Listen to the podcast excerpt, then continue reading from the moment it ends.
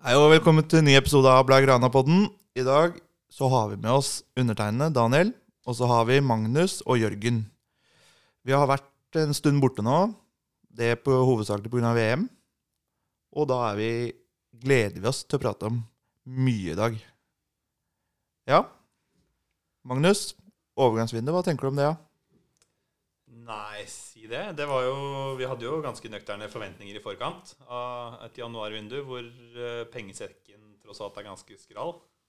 Vi hadde jo ikke akkurat mye midler å forsterke med, men eh, i tillegg til at Piquet forsvant ut eh, opp under jule, julestria der, så har vi jo mista Memphis til Atletico Madrid for en ganske Ja, det er vel lommerusk å regne. For så vidt greit nok, det. Men eh, også har vi jo henta inn én forsterkning, Gått, gått, på overtid, lenge etter vinduet stengte. Det var vel en Julian Araujo? Var det? Julian? Mm. Julian Araujo. Yes, en høyrebekk etter, etter sigende. Så jeg er spent på, jeg har ikke sett veldig mye av han sjøl, så jeg er veldig spent på hva han har å tilføre. Men han dro vel rett ned på, på Barca Atletic. Han skal være der eh, enn så lenge, i hvert fall. Ja. Det var en, eh, det er en type som eh, har eh, i hvert fall sagt utad at han eh, ønsker å spille i Barcelona. Vært veldig opptatt av det. Eh, men som du sier, det er jo vanskelig å si hvor, hvor kvalitetene ligger. Eh, men det var litt interessant med avtalen og hvordan det skjedde. Knytta til ja, Alemani som skylder på Fifa systemet der. Litt med fristen og Ja, Var det 18 sekunder på overtid eller noe sånt? Det sies. Det var helt latterlig. Ja, det var det. Og Da er det jo Fifa åpenbart som får eh, skylda for det, og ikke Barcelona. Så men hva som er årsaken, det er vanskelig å si. Men uh, de kom seg gjennom det. Så Ja, for da var det først én runde hvor, de, hvor Barca tapte og ikke fikk det godkjent. Og så ble det tatt videre til Cas. Kas, vel? Ja, det var så langt. Så ja, ganske heftig det for å få på plass en 21-åring som kanskje ikke kommer til å spille et eneste minutt på A-laget. Men det er jo all, vi tar alle seire vi kan få. Absolutt. Ja. Um, men overgangsvinduet var, det var jo mer spennende å se hvem som skulle ut, enn hva som skulle inn. Det er i hvert fall sånn det har vært blant oss i Blagrana. Det har jo vært mer interessant å se hvordan de skal bygge stallen og løse opp midler til hva de kan hente nå til sommeren, Mm. og ikke nødvendigvis hva vi får inn nå. Ettersom vi har en ja, Vi hadde jo et brei stall med tanke på angrep. Det var jo seks angrepsspill eller noe, som alle kunne spilt. spilt. Eh, midtbanen var jo stappa av, så sånt, Mm. skadefri. Og forsvaret var jo, er jo bunnsolid. Ja, ja. Uh, og keeperplassen trenger ingen bak uh, til stegen. Og så har vi kanskje glemt Hector Beyerin. Han forsvant jo ut her. Ja. Gjorde han ikke det? Jo. Det var like greit, uh, spør du meg. Men eh, det som er litt sånn ironisk ofte sett med Barca-øyne, er jo da når vi slipper en spiller i en posisjon vi mener vi har for god dekning, så pleier det alltid å komme en skade på samme posisjon rett etterpå. Ja. Det er en sånn gjenganger. Memphis drar ut, Dembélé napper på seg skade kort tid etterpå, og så er vi da stuck med en haug med angrepsspillere som ingen, hvor ingen av de er i særlig flyt. Mm.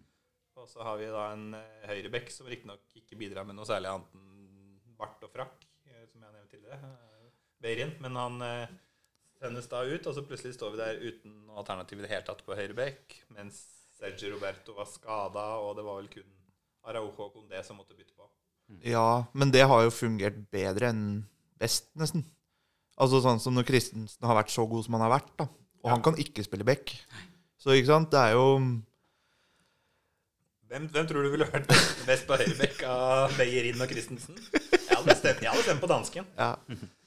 Men det er jo, men eh, også det er jo litt eh, Da sitter vi jo med, med, med Ara, Nei, unnskyld, med Condé og ja, er det Roberto Mm. som kan bekle den rollen. Ja. Og i grunnen så er vel ingen av de eh, rene høyrebacka, hvis du skal gå litt tilbake i tid.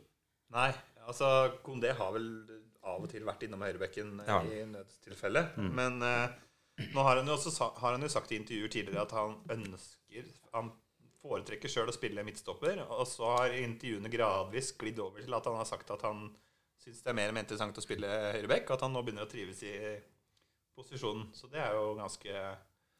Interessant, da. Så Ja. jeg tenker det er et positivt signal. Og det er ikke noe sånn derre eh, ja, nykker hvor han sier at han ikke eh, trives på høyrevekk osv. Så, videre. så han må spille den rollen han får.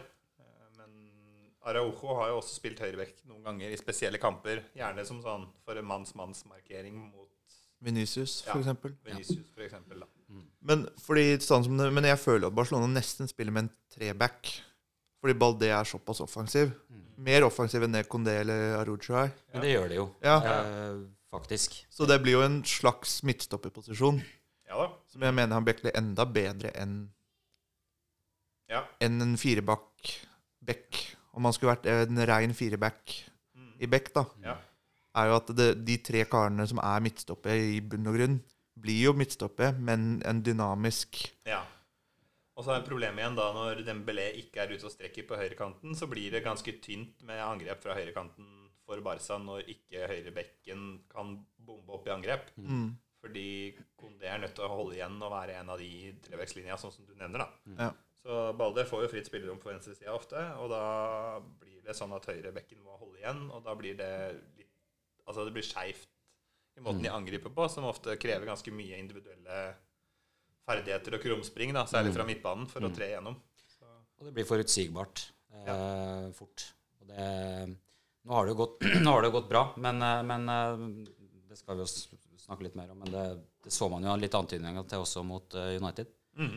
At uh, det kunne bli forutsigbart. Det var veldig mye, mye fart ut på venstresida.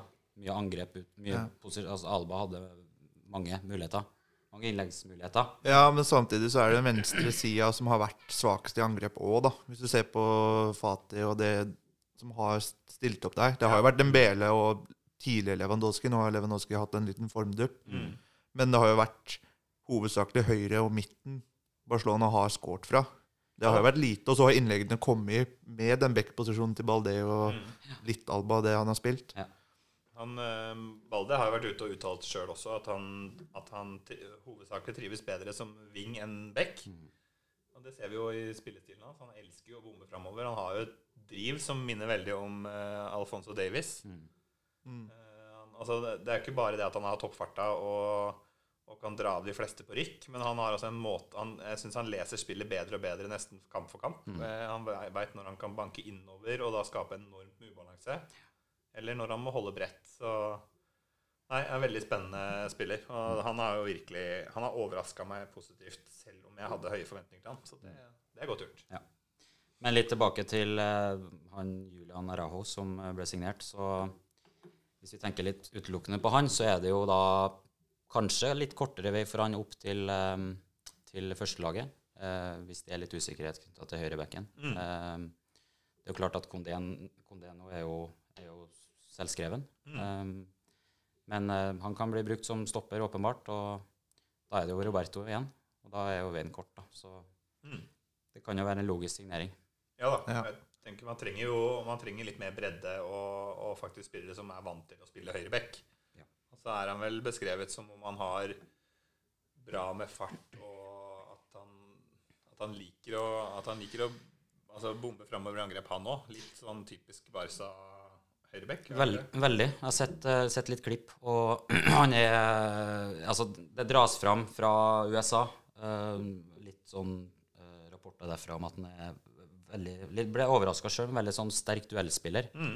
Veldig sånn tett i kropp og, og god der. Og så er han veldig, veldig sjanseskapende. Han er veldig sånn rykte på seg for å være eh, veldig offensiv og god til å slå de innleggene. Og det er jo Ja, nå har vi jo endelig en spiss i, i midten der òg som kan nyttiggjøre seg gode innlegg, så det kanskje kan bli en bra, bra partnerskap etter hvert. Mm.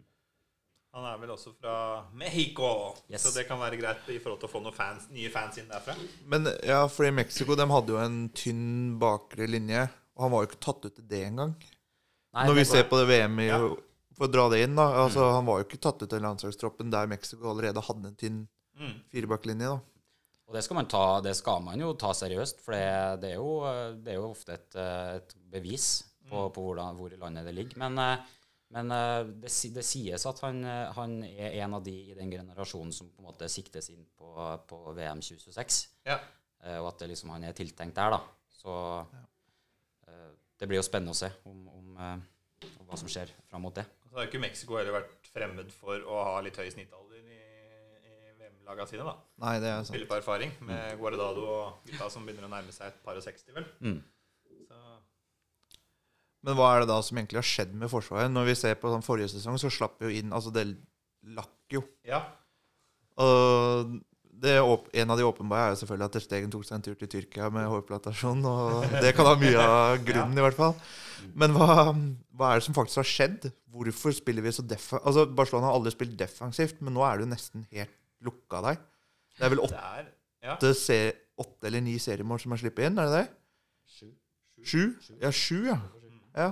Hvorav tre av de kom mot Real Madrid, og i hvert fall ett selvmål, vel. Det er vel egentlig av andre Ja. Condé hadde selvmål nå, Ja. nylig. ja. Så det er ikke mange mål vi har sluppet inn eh, rett og slett på å bli spilt ut der bak. Altså, men det har hatt nok av sjanser imot, da. Så Ter Stegen har jo virkelig stått opp fra de døde. Ja, for det har jo vært tynt. Han starta jo veldig bra når han spilte Champions League, bare. Mm. Da vant han jo også Champions League med Barcelona i 2014-2015, var det ikke det? Mm. Og så fikk han jo førsteplassen, og så spilte han bra 2017-2018-sesongen, og så begynte det å dabbe litt under koronaen, var det det? Så hadde han vel tre sesonger på rad som var ganske labre, Ja. Hvor eh, sist, særlig sist sesong var jo helt krise, og da var jo både han og Oblak, som hadde vært så fantastiske, plutselig var i bånn to på keepere i La Liga, som var Ja. Men da var jo også Forsvaret fullstendig Det var bare Hawaii i alle alle angrep så ut som potensielle skåringer imot. Så det var jo til og med når Barca hadde corner offensivt, så tenkte jeg nå blir det mål imot. Ja. For det, så, ja, så der er det mye som har endra seg. Og det ene du spurte om, det var hvordan. Og da tenker jeg fart har mye å si, da. Eh, I bakre rekke vi har fått ut en Piquet som har Han har mange gode egenskaper, han. Eh, men fart Altså toppfart er faktisk ikke så ille, da. Men det, det å få forflytte seg raskt og kvikt, det er ikke hans sterkeste forse. Nei. Eh, Han er ute, og så Christensen har jo et helt annet driv og tempo. Kondé er rask. Araujo er rask. Araujo er helt enorm. ja, men det er Kondé òg. Ja. men Kondé er lave, da. Men, ja, ikke sant? Arujo har jo høyden og og fart. fysikk Ja. Og Barca blir ikke lett å ta på dødballer. Eh, og på innlegg generelt. Det stanges ut hele tida. Som igjen tenker jeg gir litt mer frihet for Ter Stegen. For er det én hemsko han har, én ting han er rett og slett ganske svak på, i mine, mine øyne, så er det jo utboksing i felt når han blir litt pressa. Mm. Da ser han ut som en amatørkeeper. Mm. Ja. Eh, nå slipper han stort sett å gjøre det, for det er Barca som ofte vinner i duellen inn uansett. Så da kan han konsentrere seg på det han er god på. Mm. Og så er jo ikke Busquets fast inventar aleine på DM lenger. For det er jo den defensive midtbane- og ankerrolle som ofte har som når Barca er i possession og presser framover, så skal jo han da trekke inn som en tredje stopper. Ja. Og ofte ligger bak der. Og altså, ja, Men det, det- har vi snakka mye om farta til Busquets, men nå er det jo Frenkie de Jong isteden. Og han Ja. dekker et helt annet rom.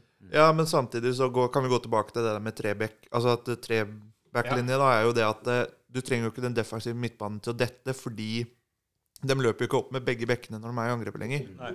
Ikke sant? Så, men eh, som du sier, de Jong er jo en monster. Han løper jo opp i angrep. Altså boks til boks. Veldig boks til boks. Ja. Så jeg syns han har vært god nå som Buskus har vært skada òg. Mm. Og så er det jo Busquets hadde jo da Det kan vi jo snakke litt om også når vi, når vi kommer til Supercopa. Supercopa de Spania, som ble spilt mellom fire land i, nede i Saudi-Arabia. Logisk Fire nok. lag, i hvert fall. Fire lag, mener jeg. Ja. Takk. Ligger Edda i bobla. Fire lag. Så altså formatet der det trenger vi kanskje ikke å gå så veldig inn i, men uh, poenget er i hvert fall at det var jo en sånn uh, punkt hvor Busquets Altså Han har vist det gang på gang, men han har hatt en periode hvor det har lugga litt. da Mm. Eh, hvor han igjen plutselig fikk vise hvor fantastisk han er. Også at han fortsatt i de glimtene så er han jo altså Mm. Han er verdens beste defensive midtbanespiller når han blir spilt på sine styrker. Mm.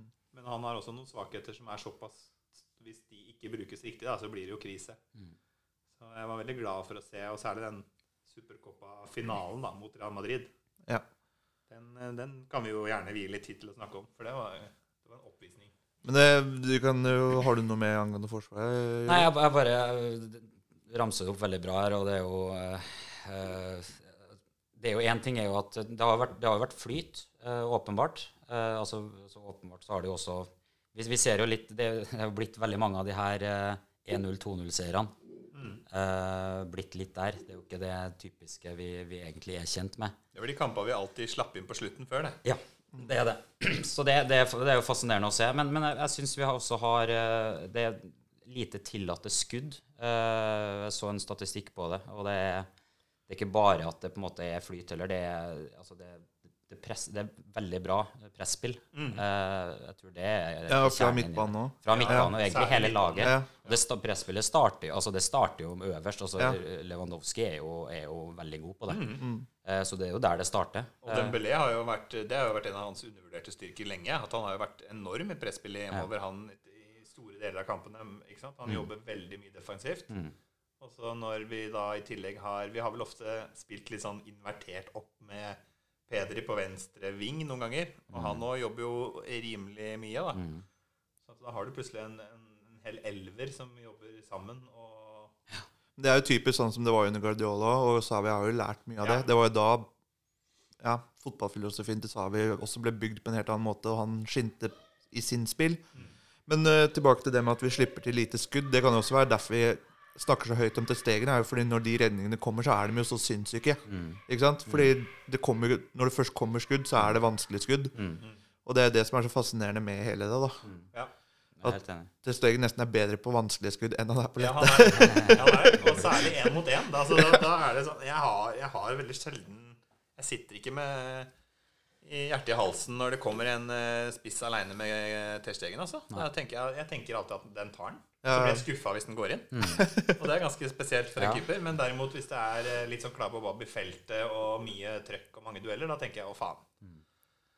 Det er jo jeg, jeg tror vi har, Det er ett innsluppet mål eh, på kamp nå i ligaen eh, sesongen her. Mm. Og det er på straffespark. Mot Español, eller? Riktig. Ja. Hosselu. Ja, ja. Det der det er. Nei, Hosselu. Så det, det, det sier jo litt. Altså, det er klart at du, du, har jo, du har jo fått inn en, en meget bra kultur på hjemmebane som er livsviktig. Mm. Eh, men som også har blitt klart og blitt videreført da, i, i eh, borteoppgjørene. Mm. Eh, så det, For bortestatistikken til Xavi har jo vært helt spinnvill ennå. den har det. Så det er jo ikke bare Nei, nei. Det er jo åpenbart, det òg. Men eh, det er veldig fascinerende, fascinerende å se på den statistikken som, eh, som vi har her. Det er jo 0,32 baklengsmål Mm. i ligaen eh, i snitt per kamp. Det er helt vilt. 0,65 er neste på lista når det kommer til topp fem i Europa. Ja, er det Atlet Nei, det er ikke Atletico Madrid. Det er faktisk eh, Newcastle. Ja. Og så har du Atletico og Real Madrid med 0,77, så det er ganske stor avstand. ja, det er helt voldsomt. Så, Ja.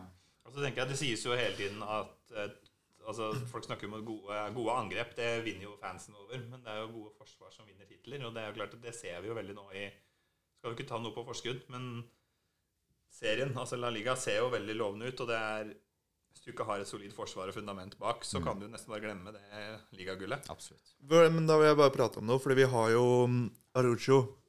Det er jo mange som mener at han er en av verdens beste midtstoppere per dags dato. Og når vi røyket av Champions League, så var jo han skada. Da vi spilte returoppgjørene mot Bayern, Inter og ja nå, vant, ja, nå vant vi jo dem, da. Ja. Men øhm, det var jo Inter-oppgjøret han var skada i, begge to, faktisk. Ja. Ja, Og det sier jo litt, for det var jo Jeg syns jo når vi spilte mot Inter, så var vi jo best i begge kampene. Så Men da var vi tilbake til det derre superfragile forsvarsspillet hvor alt rakner ved det minste press. Ja, ikke sant? ja, Så jeg følte at det, det kom ikke til å gå. Du satt med den følelsen hele tiden. Og det, og det var litt det derre europaspøkelset som mange snakker om. Da er det den der vinnermentaliteten og det slå seg på brystkassa og gå i alle dueller med, som om livet står på spill. Den mangla litt i de kampene. Ja, jeg så et quote nå av han der Arujo. Ja. At uh, han liker å slå seg på brystet fordi sa, Nei, Pioli gjorde det. Ja, Ja. Så det er jo litt med den vinnermentaliteten. Men uh, bare tilbake til keeper. Sånn, hvor tenker vi Ter Stegen er i verden nå, når vi ser at Aliston slipper inn mye mål? Uh, det er også kanskje pga. forsvar. City slipper inn mye mål. Altså, Oblak slipper jo inn, også inn mye mål nå. Ja, ja. Hvem, jeg hvem tenkte, Lenge så har jo Courtois for meg vært eh, helt, helt oppe i toppsjiktet der. Han har, altså, jeg håpa ikke at han skulle levere så bra som han gjorde, men han har virkelig vært helt enorm i Real Madrid. Mm. Så jeg har nok han fortsatt foran. Det er jo, Ja. Men eh, jeg syns jo den sesongen til Stegen, hvis, hvis det her vedvarer han, og Det er jo ikke sånn at han ikke har blitt satt på prøve heller. Så Nei. han er, jeg syns han virkelig er oppe og nikker topp tre igjen, kanskje, da, hvis du skal gjøre noe sånt. Jeg syns det er vanskelig å utelate den fra, fra en topp tre. Eh, vi må jo se på, på mål imot, og det, det, jo, det sier jo seg sjøl at, Ja. eh, at han er oppi der. Og så er jeg veldig svak for uh, keepere med um, god ballbehandling. Mm. Eh, og der er jo også han, og det har jo egentlig vært eh, mye av holdepunktene hans når han har vært god, da, at han også er god på det. Eh, og det ser vi jo litt eh, antydninger til også med altså David De Gea har jo ofte vært i den diskusjonen Ja. de siste ti årene, ikke sant? men har jo blitt holdt litt imot pga. det. Nå ser vi jo United eh, spiller jo en fotball hvor de skal eh, spille ut bakfra. Eh, og det er jo en av de svakhetene de har, eh, på, ofte pga. Av, uh, av keeperen. Ja, ja. Samtidig som han er nok en av de andre jeg ville hatt inn i nærheten av topp tre akkurat denne sesongen her. Han har, vært, han har virkelig redda United mye. Han er jo igjen da ekstrem på, på streken og Reaksjonsredninger. helt, helt vilt. Så um, Men eh, ja. Jeg tenker Det som er eh, ekstra kult med Ter Stegen, er jo det, det kan man veldig se sånn i forhold til formkurven. Når han er i god form, så strør han altså pasninger eh, på Chavi Alonso-nivå. ja. Med venstre og høyre. Innside, utside. Spiller ingen rolle. Altså det, er, det er ikke en defensiv eller midtbanespiller i Premier League som er bedre til å strø pasninger enn eh, Marc-André Ter Stegen. Nei. Helt fantastisk. Og så har han en liten formdupp, og så går alle pasningene utover skilinja eller rett i motspiller. Det er helt utrolig. Men uh, han er enten-eller. Så nå har det vært veldig mye Nå har det vært veldig mye forsvar, så nå tenker jeg vi skal snakke litt om angrep. For de har jo en kamp nå eh, nede i Saudi-Arabia som spiltes for ikke så lenge siden. Ja. Um, El Clásico i Supercopa. Mm. Og da var det jo morsomt å se for Barcelona spille angrep-fotball. da vi Ja. vant kampen 3-1. Var det bra med flyt. Da hadde vi en litt sånn overraskende helt som skulle være best foran mål. Og det er den lille prinsen i Spania, kan vi kalle den det. Ja. Selv om det bare er et rykte. Hva tenker vi liksom om det der? For der satt jo alt av innlegg, og Barcelona spilte jo Real Madrid til tider ut. Ja, da var det ett lag på banen i store deler av kampen. Altså Det var fullstendig maktdemonstrasjon, og han eh, godeste eh, Uff, nå sto det helt stille. Han Angelotti. Han eh, tygde jo altså så intenst manisk på den tyggisen sin. Og det ble bare verre og verre. Det var sånn sir Alex Ferguson-takter over den tygginga der. Så det var ganske artig å se. Og ja, det var veldig fortjent. Men de gutta, da, Pedri og Gavi eh, De er gutter, de er ikke menn. I, Ja. min- i min bok, i hvert fall. Ja, det, er helt, det er helt rått å sitte og tenke på at vi kan ha de i 10-15 år Det, var, de, så så, de, så så sulten ut. Det, så, det var så tydelig eh, hvor viktig det trofeet var. da.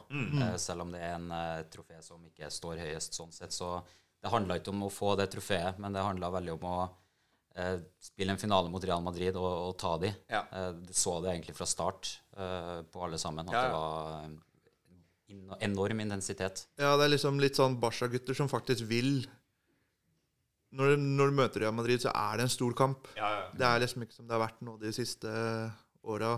Med litt sånn innbytter, sånn Depay oppå toppen der. og Sånn. Jeg tror ikke det har betydd like mye at det er Real Madrid mot Barcelona. Og så er det det som er eh, Altså Gavi har jo den sinnssyke innstillinga. Han, han er jo helt unik. Han, er jo også, han har jo innstillinga til Puyol Ja. inni halvparten så stor kropp. Men vinner huddueller mot folk som er seks meter høye. ja, det er så han- sinnssykt å se på. Ja. Men, eh, så han er nok ganske unik. Men det er liksom det er den derre sulten i nesten altså Samtlige på deg virker som de aldri har vunnet en tittel før. Og det er liksom det, er det jaget du må ha i de kampene for å faktisk vinne. da ja, det og stoltheten for at du spiller for faktisk Ja, ja. Mens tidligere så har jeg, har jeg ofte sittet med en følelse av at ja, Piquet snakker jo og hater Real Madrid på sosiale medier, men det virker ikke alltid sånn i alle kampene. ikke sant? Og Busquets er jo ikke en krigertype. Han er jo mer en sånn elegant uh, løsning. Og så har du Jordi Alba, som jeg ja, nesten utelukkende kritiserer i storkamper fordi at han faller for press. Så jeg har hatt liksom den der kjernen som har vært med å vinne alt som er å vinne, virka litt mette. da. Jeg er helt enig. Og det er også deilig å se den premieutdelinga hvor, du- hvor eh, tapende finalist må stå eh, og se på.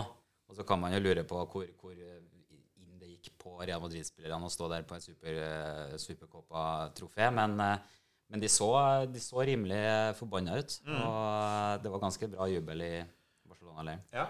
Ja, fordi Real Madrid har jo gått de siste åra vinner Champions League og ligaen. Men nå begynner det å komme ganske ny core. Altså, Venezia ser alltid sulten ut, for å si det sånn. Mm. Men det begynner å komme en ganske ny core nå i Real Madrid òg, som virker som at de liksom ikke er mette. Nei da. En kjerne av sultne unge. Ja. Ja, det er det. Så jeg syns jo de har henta veldig Det har vi snakka litt før om, at de har henta nesten urovekkende gode unge spillere. Så det blir en kamp eh, framover her. Og jeg tenker jo det der toget som tidligere har vært sånn eh, to eller tre hesters race da, i toppkampen i Spania, begynner jo nå å se nesten Altså det, det begynner å bli lange avstander fra Barca Real Madrid og ned til resten. Uh, uten å få gå for mye inn i det, så tenker jeg at uh, Real Madrid de, de satser nok først og fremst i år på Champions League, tror jeg. Og så håper de at Barca snubler i serien. Det er sånn jeg virker som Ja. jeg tolker de litt. Barca kan fort finne på å gå på noen leie tap, de. Og da er jo Real Madrid der, for de avgir jo ikke sånn fryktelig mye poeng, de heller. Det skal ikke mye til, og de skal jo møtes. Så, um, det, men det, jeg tror det er så mye som du sier, at det er der fokuset til Real Madrid ligger. Og så må de bare se an litt utover hvordan det går med valg av eh, spillere til vi- hvilke kamper osv. Mm. For å se. Han sa det jo, han godeste eh, Hvem var det som snakka om det ene de i Barca som hadde vanskeligste spilleren han hadde møtt? Det var Balde. Vanskeligste spilleren han hadde møtt, som var Valverde. Valverde. Fede Valverde på Real Madrid. Den energien der. Han er litt samme type som Gavi. Ja. Altså klin, klin idiot i 90 minutter og løper sokka av seg. Og så har han de skudda, da. Ja, Ja. De, de er leie. Så må, De slippe, må ikke slippe han til fra innafor 30 meter. Nei. Ikke Marco eller han Asensio heller. Men eh, ja, nei, så det ble da altså Supercopa triumf og tittel. Jeg tenker det der tittelbegrepet Tidligere så har vi vært Messi var jo ute og sa det. At dere aner ikke hvor bortskjemt dere er. Han sa det ganske rett ut. Og ingen ante hvor rett han kom til å få. I forhold til ni ligatitler på elleve forsøk, eller hva det var. Ja, det var noe sånt. 11. Det var i hvert fall Jeg ser jo virkelig det betydningen av det nå. Jeg tenker den der sulten og jaget som var med å vinne den tittelen, hvor viktig den betydningen kan være framover. Nå har de bikka en sånn milepæl. Ja, det var en kan godt kalle det en drittcup nedi sjeikeriket, men uh, uansett, en tittel er tittel. Og det her betydde mye for spillerne. Og det ser vi jo på eh, hvordan det presteres i ligaen nå. Mhm. Eh, de er sultne, de er motivert. De, Det var litt forløsende på et eller annet Veldig forløsende. Ja. Ja, fordi vi avslutta jo forrige podkastepisode, som var for tre måneder siden. To Ja, måneder siden. det blir fort det nå. Ja. Og da avslutta vi med hvor viktig det var at Barcelona tok ligatittelen altså ledelsen, ligaledelsen før VM-pausa. Ja. Og nå har jo da den økt opp til åtte poeng, er det ikke det? Jo, fra to, vel? Ja. Noe sånt. Ja. Og det er jo, viser jo at den mentaliteten har jo fortsatt. Det var jo det vi var redde for, og det snakka vi om at vi var redde for, ja, at det ikke skulle fortsette. Men Real Madrid har jo snubla mer enn vi skulle trodd. Men samtidig så har jo Barcelona prestert også enda bedre. ja. Fordi Arujo har kommet tilbake med skade, altså fra skade. Han har, og Ja, ja. Forsvaret har stengt igjen totalt. ja. Så det har jo vært Den mentale har jo virkelig dratt med seg, også som vi snakka om med den tittelen vi har fått i Supercopa. Mm. Så det har jo vært deilig å se. Og nå er de jo med å kjempe realistisk om i hvert fall to titler til, da. Ja. Eh, vi kan jo snakke mye om Europaligaen, men jeg tenker den eh, Copa del Rey El Clásico dobbeltoppgjør som kommer nå i Er det mars-april? Nei. Jo. Jo. Eh, hvor, hvor viktig den kommer til å bli, kommer nok litt an på ligasituasjonen, tenker jeg, særlig for Barca sin del. Er det kjempetett i serien, så kommer nok begge lag til å gå 100% all in i den, det oppgjøret der også. Med mindre da Real Madrid har også en semifinale i Champions League på trappene. Men jeg tror eh, det er jo alltid gjevt i de oppgjørene der. Og det, jo, jeg, det ser jo ut som at vinneren av det oppgjøret vil jo få en, i hvert fall en massiv fordel inn i finale i Copa del Rey. Absolutt. Det, nå tror jeg at eh, Real Madrid har eh, Jeg har sett litt på kampprogrammet de har, da, eh, som også er blanda inn med Copa del Rey der. Og det er jeg, jeg lurer på om det er ganske snart eh, det er Barcelona mot Real Madrid. Eh, midt imellom et av de to oppgjørene mot Liverpool. Det blir jo fort da neste, da. Ja. Returoppgjøret. Mm. Da får du en rekke der, og så har du den ligakampen eh, også på kamp nå, da, inni der. Så det er et rikt, rikt, viktig poeng det du har da, med at eh, det kommer litt an på hvordan tabellsituasjonen ser ut på det tidspunktet. Hvordan eh, ja, første oppgjøret mellom Liverpool og Real er, og sånn sett. da. Men vi har jo også skader. Nå på Pedri gikk jo av med skade. ja. Dembélé er fortsatt ute. Ja. Dembélé Dembele er vel snart tilbake. Han rekker vel kanskje klassikokampene. Ja. Men Pedri er enda usikker, eller er det noe oppdatering på det? Pedri mister vel sannsynligvis i hvert fall første kommende klassiko, regner jeg med. Det er usikkert om han Ja. Snakkes om fire uker på han, og det, da er det jo noen kamper der som, mm. som går vasken. Viktige Men kamper. Heldigvis, får vi si, da, uten å jinxe noe, så tenker jeg i seriespillet så ser det i hvert fall Programmet nå er jo noenlunde overkommelig. Jeg var litt redd for eh, har vært redd for sånne som tidligere har vært sånne snublekamper, men nå virker det som det er et eller annet sånt stødig godstog som bare ruller og går. Så kanskje bare så er det nye Dimanshaft. Men jeg jeg tenk, tenk litt på det med, med Kadi- Kadis-kampen òg. Da er det rulle, ganske mye rulleringer. Mm. De tar ut, eh, tar ut noen spillere ganske tidlig ut der, og det er jo De får jo to mål ganske på kort eh, Det var rundt pause. Rett før pause, Rett før pause To skåringer der. Og det, det er jo sånne kamper som typisk har, har vært sånn 0-0 lenge, kanskje fått en imot, ikke sant. Og, Men at, at du får inn Altså at du får den der, de tidlige skåringene der, da, eller for øvrig ganske tidlig, og kan begynne å rullere på slutten her, det, det hjelper veldig når det er såpass tett kampprogram som det er. da. Det veldig, jeg syns det er veldig fascinerende å se nå når Barca rullerer. Eh, vi har jo både klaga og revet oss i håret på byttene til Xavi noen ganger. At det enten kommer for seint, eller så spiller han fulle 90 minutter i motbakke uten å gjøre bytter. Altså det har vært mye rart, da. Men jeg synes, når han bytter nå, så syns jeg ikke det virker som altså Selv om han bytter enten på bedre spillere eller av Eller hva skal jeg si, altså på bedre spillere eller dårligere spillere, så har det ofte gjort, skapt litt sånn uflyt i spillet, og det har lugga mer.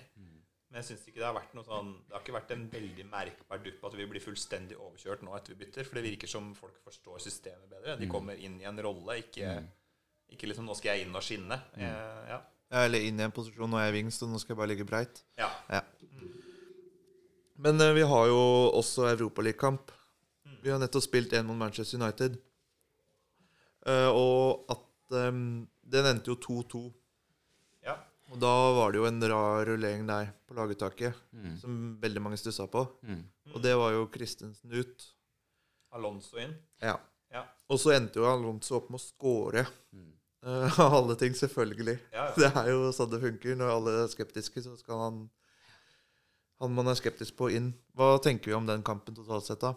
Jeg er fortsatt ikke helt klo. Jeg fortsatt ikke, jeg føler ikke jeg har fått svaret egentlig på, på hvorfor det ble gjort. Han snakka jo om på pressekonferansen at det handla om eh, rullering. Eh, spare spillere. Men eh, det var Selv om Alonso skåra, så eh, har jo han også skyld, deler av skyld på målet til Rashford.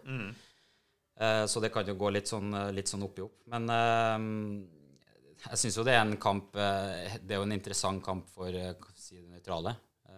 Ja. Voldsomt intens kamp, men, men for vår Ja. Det var en intens, men litt sånn rotete, Veldig. dårlig kamp, syns jeg da egentlig. Altså, nå var jeg subjektiv og ville jo ha full overkjøring, selvfølgelig. Men eh, jeg innså jo det ganske tidlig at dette var en kamp med eh, mye klabb og babb. Og jeg syns ingen av laga var spesielt eh, Det var ikke noe finspill fra noen av laga, egentlig. Det var ikke veldig imponerende. Men det var, eh, det var i perioder Barca starta ganske friskt, og så kom United veldig, tok veldig over intensitet. Og da syns jeg Barca sleit med å heve seg opp igjen.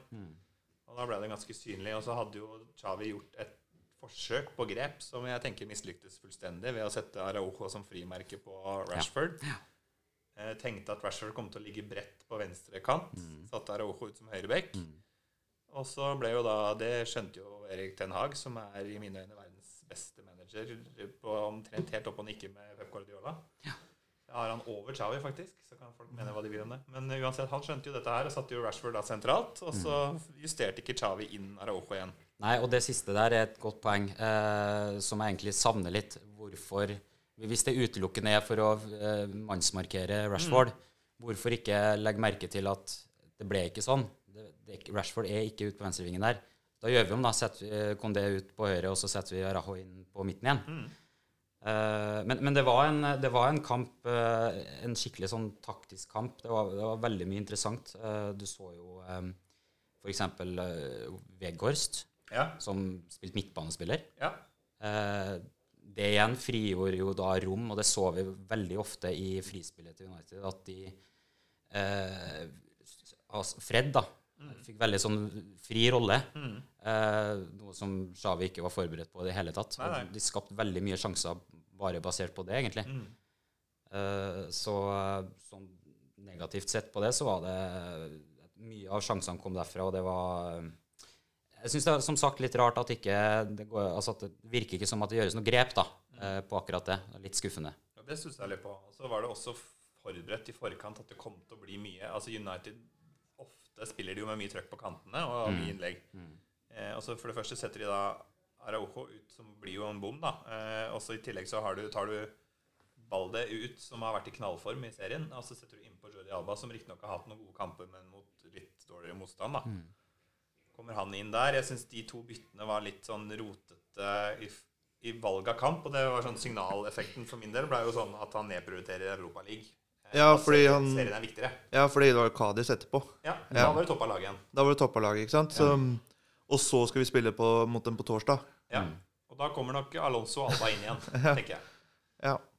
Ja, det, det, men det, det er jo interessant. Uh, hvorfor Altså, det som han sier, han sier jo at det, det er litt rullering rundt der, men det er åpenbart at prioriteten ligger i, eh, i Ja. La Liga. Og det Så kan man jo diskutere hvor uh, Altså hvor riktig det er, men, men det er jo det her med at du, den kampbelastninga du får, da. uh, Mm.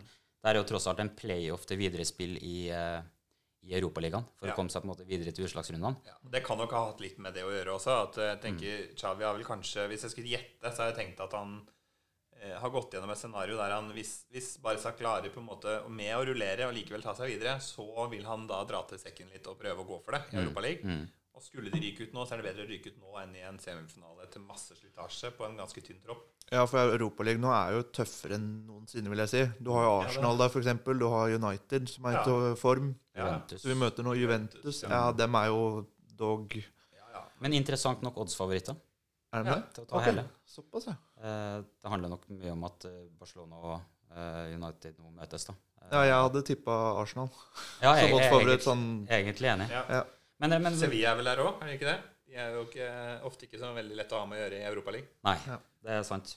Men det, det, er- men, men den belast, altså det er ni kamper det er snakk om, da, hvis du går hele veien til finalen.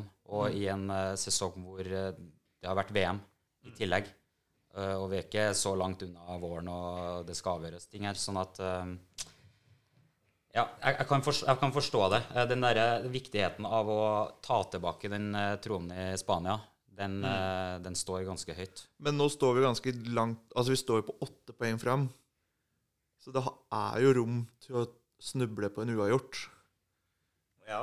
Mm. Samtidig som jeg tenker at eh, signaleffekten nå i den perioden vi er inne i nå, er jo hvis Real Madrid begynner å kappe innpå poeng i serien, altså begynner å nærme seg kanskje en tre-fire poengs luke, så får de et voldsomt momentum som er vanskelig å snu igjen. Selv om man har liksom sluppet av gassen litt. Så det er ofte ikke noe Det er veldig sjelden at du kan i hvert fall tallfeste at det lønte seg å slippe noen poeng eh, midt i serien for å hente det inn igjen seinere. Det er ofte ikke sånn det funker, da. Så jeg tenker at det er nok det som ligger mye bak. Og så er det seriegullet er det gjeveste Barca er med og kjemper i nå. Mm. Europaligaen er jo godt nedprioritert. Og det er jo for så vidt Jeg syns jo personlig at det er helt greit. Det er, ikke noe, det er jo ikke bare fordi at vi trolig kommer til å ryke ut på Old Trafford. Mm. Men uh, Nei, men jeg, jeg tenker jo det at eh, kampen United Vi snakka om Real Madrid, at kampene skal bety noe. mm, Så syns jeg det er rart i en kamp mot United Jeg heller ville ryke ut igjen mot Frankfurt enn mot United. Kun pga. størrelsen av klubbene. For det er jo liksom meninga Altså, jeg Om Barcelona vinner Europaligaen eller ikke, det syns jeg er likegyldig. Europaligaen syns jeg er nesten flaut å vinne. Helt enig. Um, men det er liksom kampen, selve United ja. Altså Når vi snakker supporter mot supporter, altså det er meninga med kampen som er viktigere enn selve turneringa. Og du er, inne, du er inne på noe eh, skikkelig viktig her som jeg føler er litt undersnakka også. Fordi eh, nå har vi gått noen runder i Europa med skrell på skrell på skrell. Og nå får du i den første kampen her en, eh, en skikkelig storkamp mot et lag som er- på vei tilbake. eh, Og som vil vinne Europaligaen. og som vil vinne. Eh, De vil ha de trofeene. De har jo ikke vunnet siden 2017. Et trofé. Eh, Og det var Europaligaen, var det ikke det det? var Europaligaen mot Ajax, ja. Stemmer. Vi har hatt noen muligheter. Men, men eh, poenget med, med altså det du sier, da, det er kjempeviktig å få den herre å, å vise da, i, i en så stor kamp at vi, vi, eh, vi er tilbake også i Europa. Mm. Eh, ikke få de her eh, kalle eller vinne de lette kampene og stikke av i, i ligaen, men også vise litt eh, europeisk målestokk. da. Så Man har klart å snu den mentale trenden som har vært fryktelig dårlig da, i de toppkampene. Ja, og i Europa generelt. Ja. Så om det er Champions League eller Europaligaen, så har vi jo altså gang på gang på gang gått på så mange skall nå at det har blitt, eh, blitt en sånn selvoppfyllende profeti. At hver gang du møter et topplag, så kan du, du kan snakke deg sjøl opp eller ned så mye du vil i pressekonferansen før, men du veit at Barca snubler. Mm. Og det, det tror jeg siver inn i hodene på spillerne, selv om det er mange nye med rett tankegang der. Så det er viktig å bryte den nå. Eh, og da er det som du sier, det er nesten bedre å slå ut United på Old Trafford nå, hvis de klarer det. Komme videre og møte hva som helst, om det er Bir Shiva eller bare å ryke rett ut. Det hadde vært enda Det, det, det, Ja. det, Ja. faktisk. Helt i orden. Og det er pga. også størrelsen på Det vil jo dra altså størrelsen på supporterbasene til de forskjellige lagene. da. United har en kjempesupporterbase, selv om de har gjort det ræva de siste ti åra. Ikke sant? Men det er jo den det er Kampen er viktigere. Jeg vil heller se United altså Nå kan vi gå tilbake til Superliga òg, for så vidt. Det har vært mer interessant å se United-Barcelona fordi klubbene er så store. Ja, ja. Og det kommer til å være jevnt. ikke sant? Ja, og så har jo, som vi var inne på i stad, United en av verdens beste og mest up and coming managere. Sånn at jeg tenker at den, de kommer ikke til å bli dårligere med de nærmeste åra heller. Nei. Og jeg tror ikke de er dumme nok til å gi slipp på han nå, når han først har kommet over kneika. Nei. Så, Nei, og de, og de lagene her, de, de ser vi i Champions League neste år, og med tanke på Ja. hvordan det er satt opp, så kan de jo for alt vi vet møtes. Og da og kanskje ha den, uh, ha den i bakhodet, Mm. at eh, vi dro til Old Trafford og, og slo de ut. Mm. Det kan, kan være veldig viktig. Det er veldig viktig, veldig sånn mentalt, eh, å, å ta den seieren. Ja, og det er det jeg følte med den kampen som var nå, når det endte 2-2.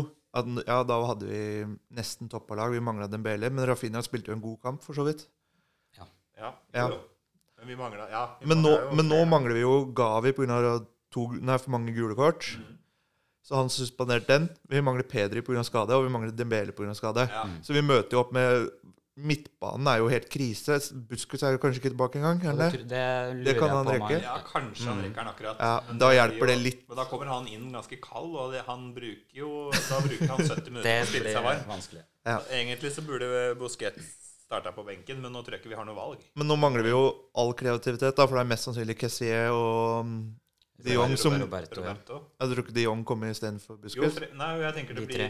Ja, jeg tror det blir de.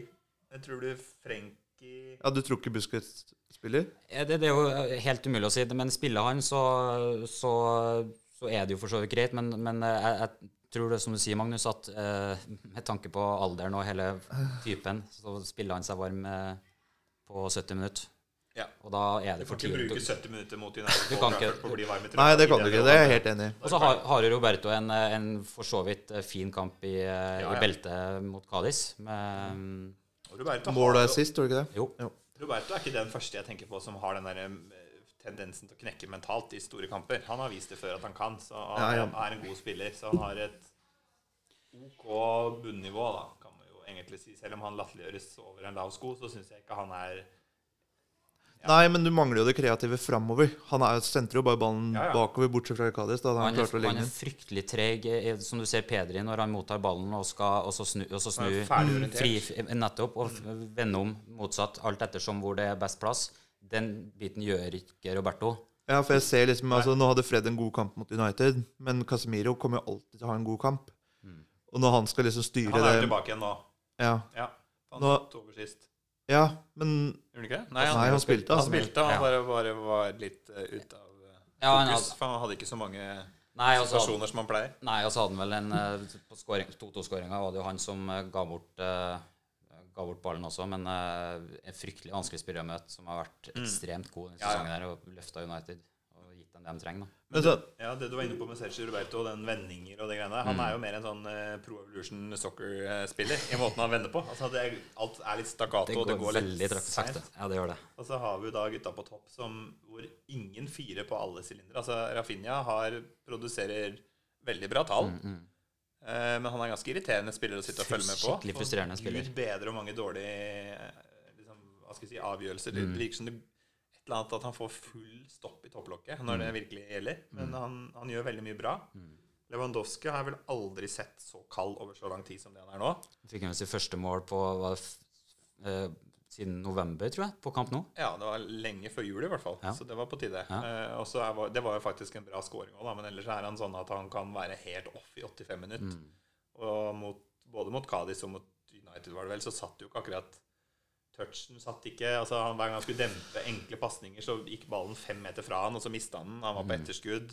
men så skapte han jo det ene målet, da. Den ene Jo, jo. Men Men um, bare sånn kjapt opp, fordi Hvis vi ser Alba Beck, er det nesten sånn at vi vil se Baldé som ving?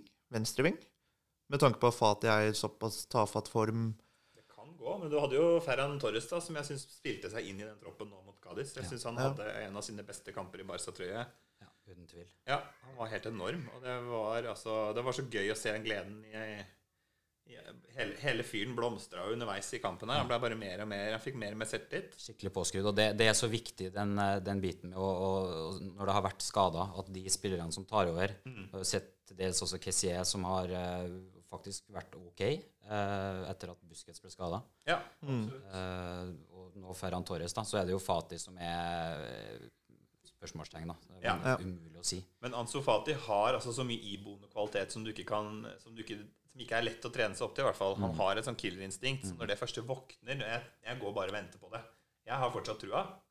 Jeg gikk opp Ansu Fati med det første. og Det er, liksom, det er ikke den derre sinnssyke eksplosiviteten. Han er ikke avhengig av det. Han, er, han tenker litt rappere og litt mer annerledes enn de fleste andre. Og det er liksom det som skiller han ofte da fra så når, når ting begynner å flyte, så kan det fort bli litt ketsjup-effekt. Nei, men det handler ikke om å droppe en sånn som talent. Men han er jo ikke i form nå til å Nei. være favoritt til å starte den posisjonen mot Nei. United. Men før vi tar avslutter nå, hva tenker vi stillinga blir på Old Trafford? Skal Ta en gjettekonkurranse. Og så kan vi ta det opp det, i neste pod. Jeg tror vi får ekstraomganger. Uh, vi er ekst, eh, jeg tror jeg veldig avhengig av uh, enkeltkvaliteter. Lewandowski er nødt, hvis det skal bli avansement, så er han eh, nødt til å For det, jeg tror ikke det blir mange sjanser. Nei. Jeg tror ikke det blir det samme som på kamp nå. Så vi er nødt til at han, eh, han stepper opp gamet. Men uh, si ekstraomganger, gå videre på straffekonk. Ja. Oi. Straffekonk. Var det. Ja. Og så tenker jeg jo det, Nå håper jeg i hvert fall at uh, Javi starter med back-linja, som det så fint kalles. Altså Balde og Araujo og Christensen og Kondé. Ikke nødvendigvis i den rekkefølga, men i hvert fall de fire bak. Da, det, det er mitt håp, da. Sånn at det, da, det er dem vi har vært mest solide med. Jeg har vel ikke tapt en kamp med den backrekka ennå. Mm. Så jeg håper det er det som starter, og at vi klarer å stå av den verste stormen i starten der. For det kommer til å bli en vanvittig, et vanvittig trøkk på Old Trafford. Så hvis vi klarer å stå imot den første stormen, og så begynner å få spilt opp på uh, At vi tar av det første presset, da, sånn at vi kan begynne å skape noe sjøl, så har jeg trua. Da tror jeg vi kan ta det. Men uh, jeg tipper 2-1 til United, det, da. Jeg tipper 3-1. Til Eh, Barcelona. Ja, Ja. da har vi hele Og jeg er er optimist. En av oss kommer i hvert fall til å være i nærheten. Helt klart. Den er grei. Greit. Ha det. Ha det Ha bra. det. Ha det.